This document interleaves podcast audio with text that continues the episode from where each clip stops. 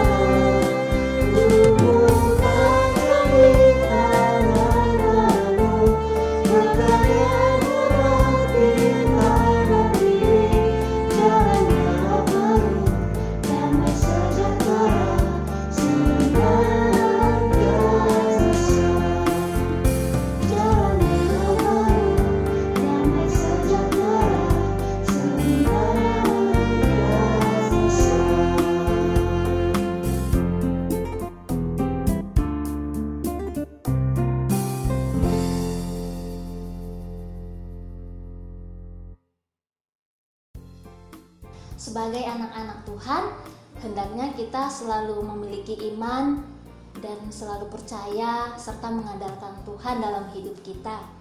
Tuhan tahu apa yang kita butuhkan. Tuhan akan selalu menjadi penolong dan harapan bagi kita semua.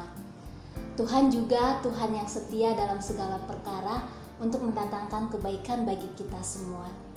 Mari sebelum kita mendengarkan firman Tuhan, kita mau angkat pujian yang mengatakan, "Ku percaya janjimu."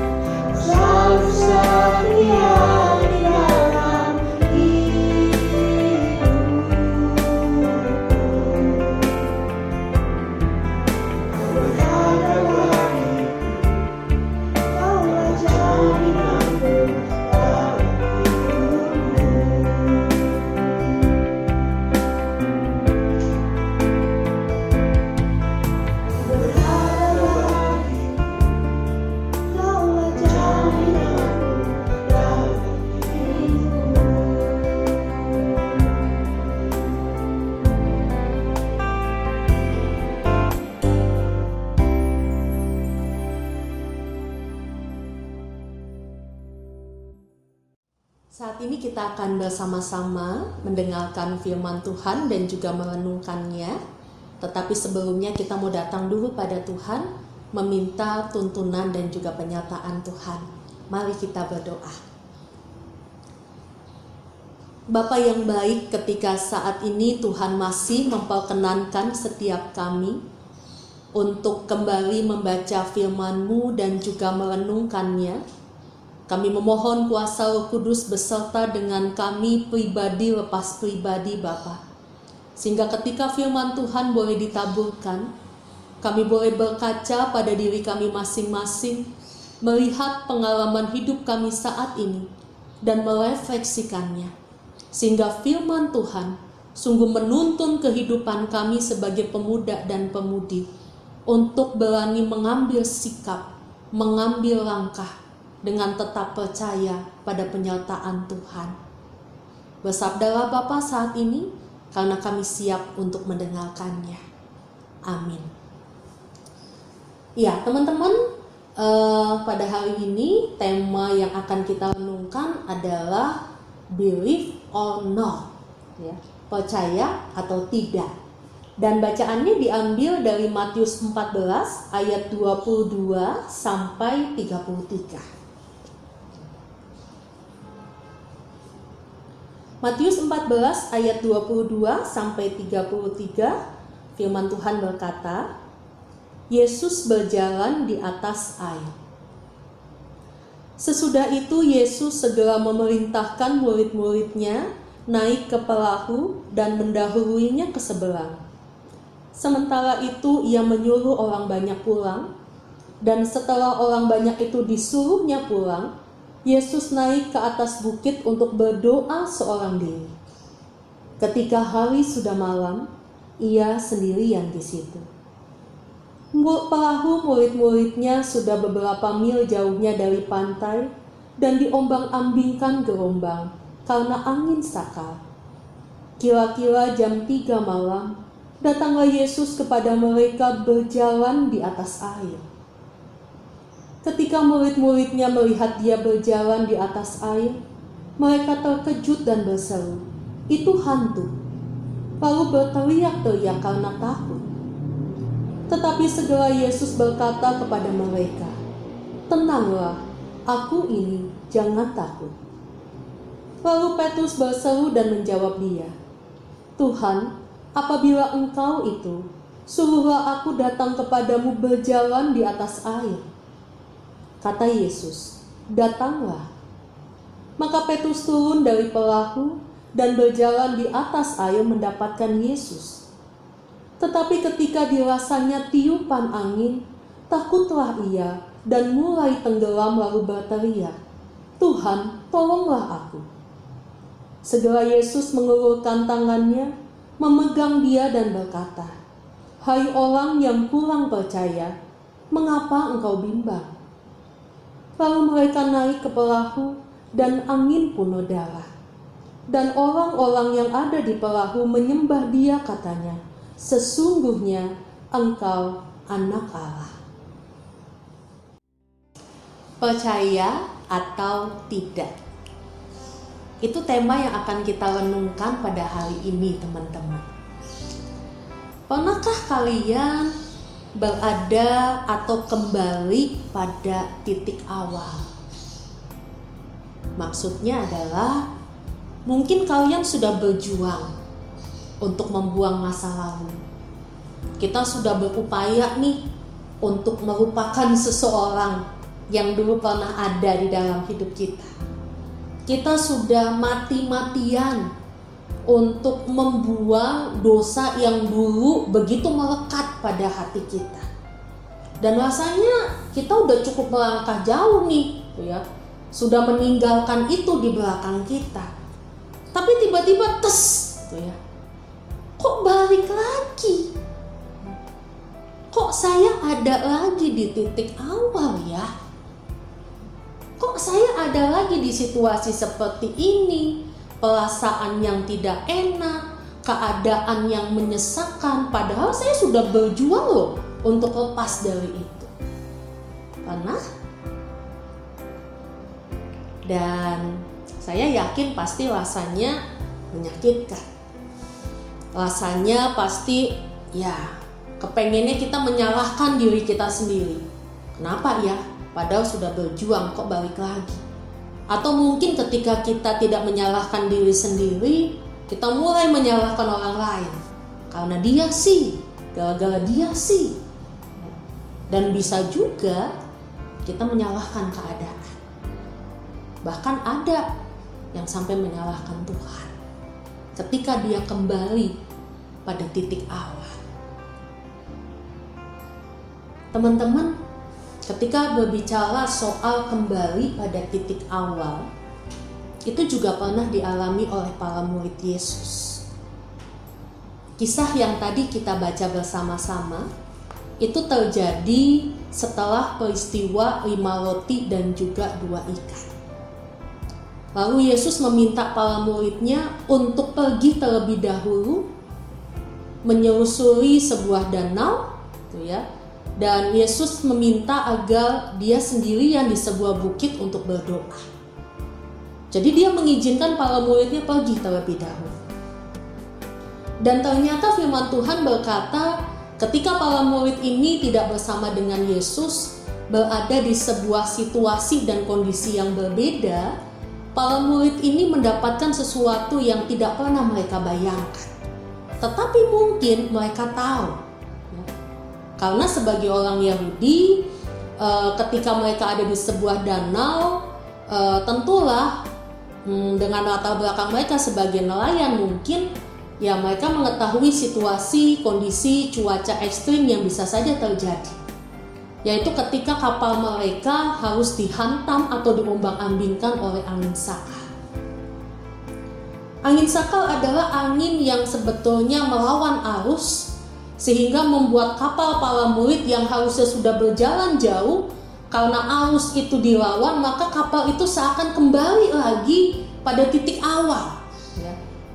Mereka sudah berjuang, mungkin sudah hampir sampai di tempat tujuan, Angin sakal itu membuat mereka terombang ambingkan dan mereka kembali pada titik awal mereka berada.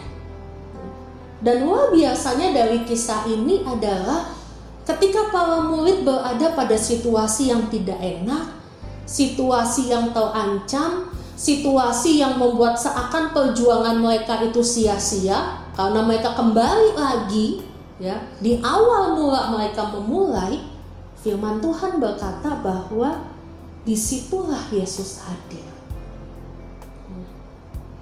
Ketika para murid membutuhkan sosok Yesus, Yesus tidak pernah meninggalkan mereka. Yesus hadir.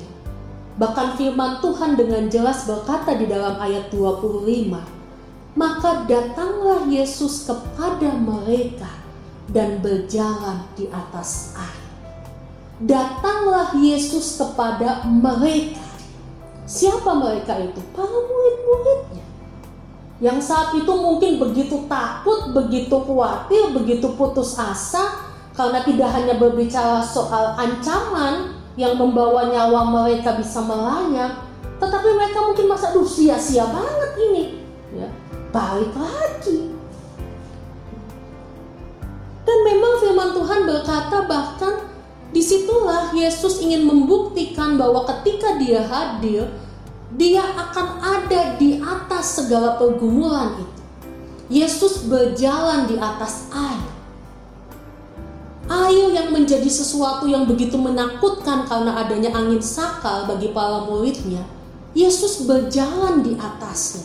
Artinya, Yesus ingin berkata bahwa apa yang menjadi ketakutanmu pun aku atasi itu masih ada di bawahku. Ya, itu tidak mengendalikanku, aku yang mengendalikannya. Ya. Air itu pun aku bisa berjalan di atasnya. Jadi Yesus ingin menenangkan para muridnya dengan berkata, tenanglah, aku ini jangan takut. Tenanglah. Ketika mungkin saat ini teman-teman berada seperti para murid, ya, aduh udah capek-capek nih udah berjuang nih ya melepaskan itu semua eh tiba-tiba ada aja masalah ada pergumulan ada godaan ada masalah dan aku balik lagi ke titik awal ya. dan ketika aku berada di titik awal itu rasanya uh ya. mau marah mau nangis ya rasanya kecewa ingin menyalahkan diri sendiri menyalahkan orang lain di tengah situasi itu teman-teman firman Tuhan mau bilang bahwa kamu tidak sendirian. Di tengah keadaan kita yang begitu semrawut, ya, yang kita nggak tahu sampai harus berbuat apa, Yesus hadir. Yesus mendatangi kita Dan Yesus mau bilang, ada aku, ada aku di sini, tenanglah. Jadi firman Tuhan pada hari ini tuh sungguh luar biasa. Ya. Karena seakan ketika kita punya masalah kan sering kali bahwa kita merasa ya saya sendirian. Teman-teman aja pergi, sahabat aja menghilang, keluarga apalagi yang nggak tahu masalah apa pun. Ya. I'm alone. Ya. Tetapi lewat peristiwa ini kita diingatkan teman-teman. Ya. Kalau kita adalah murid Tuhan Yesus, kalau kita adalah anak-anaknya, Tuhan tidak pernah meninggalkan kita sendirian. Terutama ketika kita mengalami sebuah permasalahan yang sulit dan kita kembali ke titik awal dan kita merasa bahwa saya rasanya nggak berguna, saya nggak bisa apa-apa. Kok seperti ini? Tuhan ada bersama dengan kita. Dan menarik lagi di dalam kisah ini muncul seorang murid Yesus yang ternyata seakan memiliki kepercayaan yang luar biasa. Ketika dia tahu bahwa Tuhannya ada bersama dengan dia, dia tidak sendirian menghadapi badai, menghadapi angin sakal. Dia tahu bahwa ada guru saya nih yang biasa punya bikin mukjizat, yang biasa melakukan hal-hal yang luar biasa, dia ada di depan saya. Ya. Maka apa yang dilakukan oleh Petrus? Dia melakukan sesuatu hal yang luar biasa Teman-teman kalau kita berbicara soal pribadi Petrus, pribadi Petrus ini cukup unik dibandingkan dengan uh, murid-muridnya yang lain. Karena kalau kita membaca kisah-kisah yang lain, Petrus ini adalah seorang murid Yesus yang selalu bertindak dengan hatinya. Ya. Jadi apa yang ada di dalam hatinya, yang dia yakini, yang dia percayai, yaitu yang dia katakan, itu yang dia lakukan. Bahkan ada penafsir yang berkata bahwa Petrus ini tipe orang yang cukup emosional. Ya. Jadi terkadang karena saking emosionalnya dia, uh, dia kadang kurang memperhatikan apa dampaknya ke depannya dengan sikap dan juga tindakannya. Seakan ya kalau kita melihat pribadi Petrus ini ya, ya udah maju aja dulu lah, jalan aja dulu, ya urusan nanti apa yang di depan dihadapi ya nanti ya yang penting maju dulu nih ya. jadi kepahlawanannya itu yang uh, siap tempur siap mati itu adalah Petrus ya. pribadi yang sangat unik dan luar biasa ya. semua diterjang semua ditelabas nggak peduli pokoknya saya maju ya. saya nggak mau di titik ini pokoknya saya maju apalagi saya tahu saya punya Tuhan ya.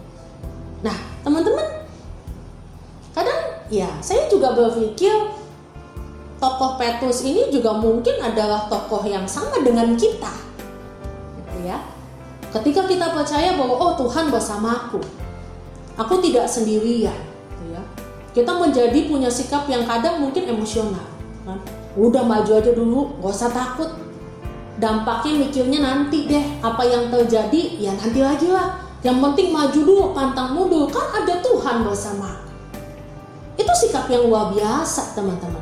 Itu sikap yang perlu diacungi jempol. Gitu ya.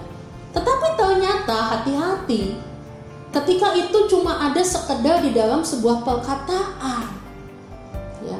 Tetapi tidak sungguh-sungguh diimani di dalam hati bahwa ya saya punya Tuhan dan ketika saya punya Tuhan, saya nggak cuma menjadi pribadi yang emosional, tetapi saya menjadi pribadi yang juga spiritual yaitu saya betul-betul percaya penuh dan mempercayakan diri saya pada Tuhan untuk bisa melakukan hal yang baik sesuai dengan kehendak Tuhan. Bukan hal yang konyol, ya. Bukan hal yang akhir akhirnya kita menyesali diri kita sendiri dan kadang menyalahkan yang lain-lain. Ya. Jadi ketika si Petrus ini berkata bahwa aku ingin berjalan, Aku ingin mendekat padamu Tuhan. Ya. Itu adalah sebuah keyakinan. Tetapi ternyata keyakinan itu tidak 100% dia imani teman-teman. Kenapa? Karena firman Tuhan berkata ketika dia mulai berjalan di atas air, jadi betul tuh dia berjalan di atas air. Mujizat itu terjadi. Lalu tiba-tiba angin itu menerpa dia, dia mulai diombang-ambingkan. dia mulai takut. Dan ketakutan itulah yang membuat dia tenggelam dan berteriak, Tuhan tolonglah. Dan itu yang sering kali terjadi. Ya. Kita modal nekat, modal emosional. Kita mau sudak-suduk, kita mau maju pantang menyerah. Ketika itu dilakukan teman-teman, dengan kesungguhan hati, dengan iman yang betul-betul percaya pada Tuhan, maka akan ada sesuatu yang besar terjadi. Maka kita nggak akan hanyut oleh badai. Kita akan dimampukan untuk tetap kuat sebesar apa pun badai itu terjadi. Kenapa? Karena iman kita kuat nih. Ya, karena kita mempercayakan diri, kita tahu bahwa saya nggak sendirian. Tuhan ada di depan saya, Tuhan berjalan di depan saya. Kalaupun saya menghadapi badai, saya pasti dimampukan oleh Tuhan untuk tetap berdiri dan melangkah. Tetapi masalahnya adalah kadangkala kata percaya itu hanya ada di mulut. Ya. Dan sikap emosional saja. Tetapi tidak betul-betul ada di dalam hati kita, di dalam iman kita. Dan itu nyata di dalam kehidupan sehari-hari teman-teman. Jadi soal percaya atau tidak percaya memang paling mudah untuk dilihat ketika kita menghadapi situasi yang tidak mudah. Ketika mungkin kita kembali pada titik nol, titik awal, gitu ya, dan kita mau melangkah lagi, kita melangkahnya dengan emosional atau kita melangkah dengan iman nih. Ya, saya percaya nih.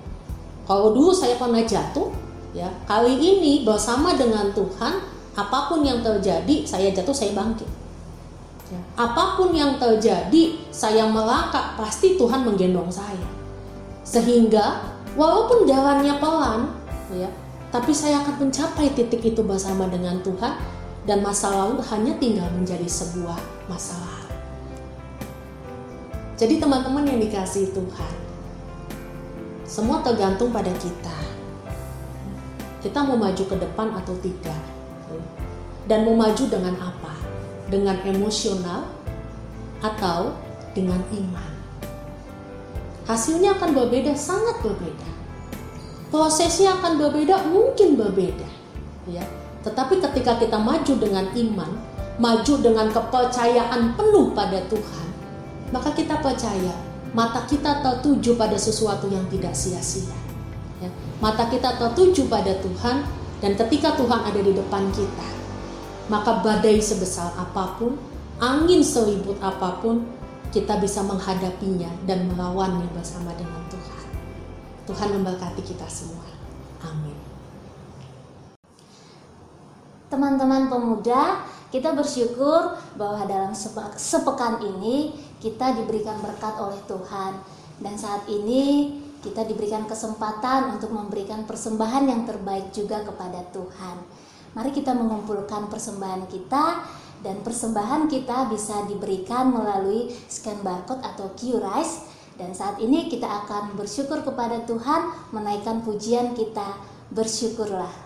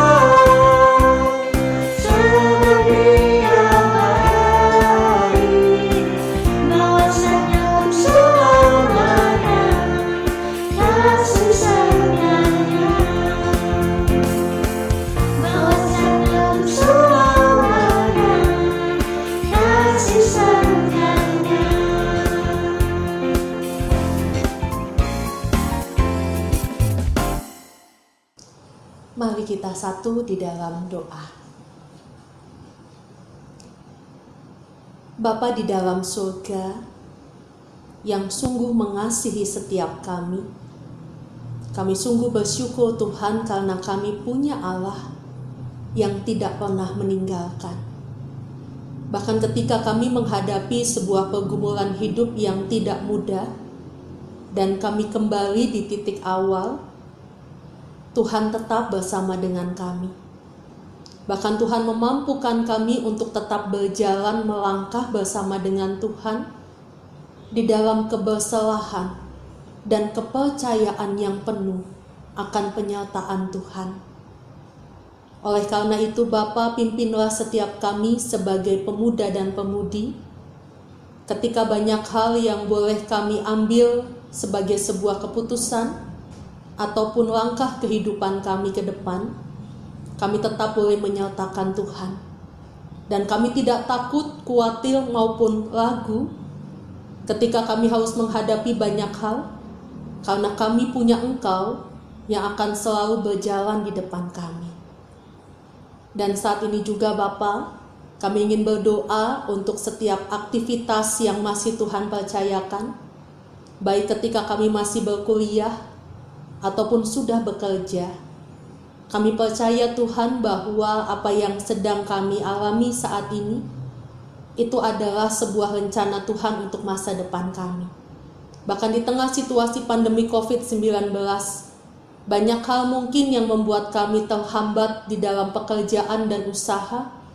Biarlah kami tetap percaya akan berkat Tuhan kami tetap meyakini bahwa Tuhan tetap menenun kehidupan kami dengan baik, sehingga kami tetap berjuang, kami tetap berusaha, sehingga apa yang kami kerjakan juga boleh menjadi berkat untuk sesama dan juga memuliakan nama Tuhan. Kami juga teringat untuk saudara-saudari kami, teman-teman, sahabat yang saat ini pun terkena dampak dari pandemi COVID-19 Tuhan biarlah Engkau menyertai mereka semua. Tuhan kuatkan, berikan kesabaran. Dan kami mendoakan untuk pemerintah yang saat ini pun tetap berjuang mengatasi dan menanggulangi masalah ini.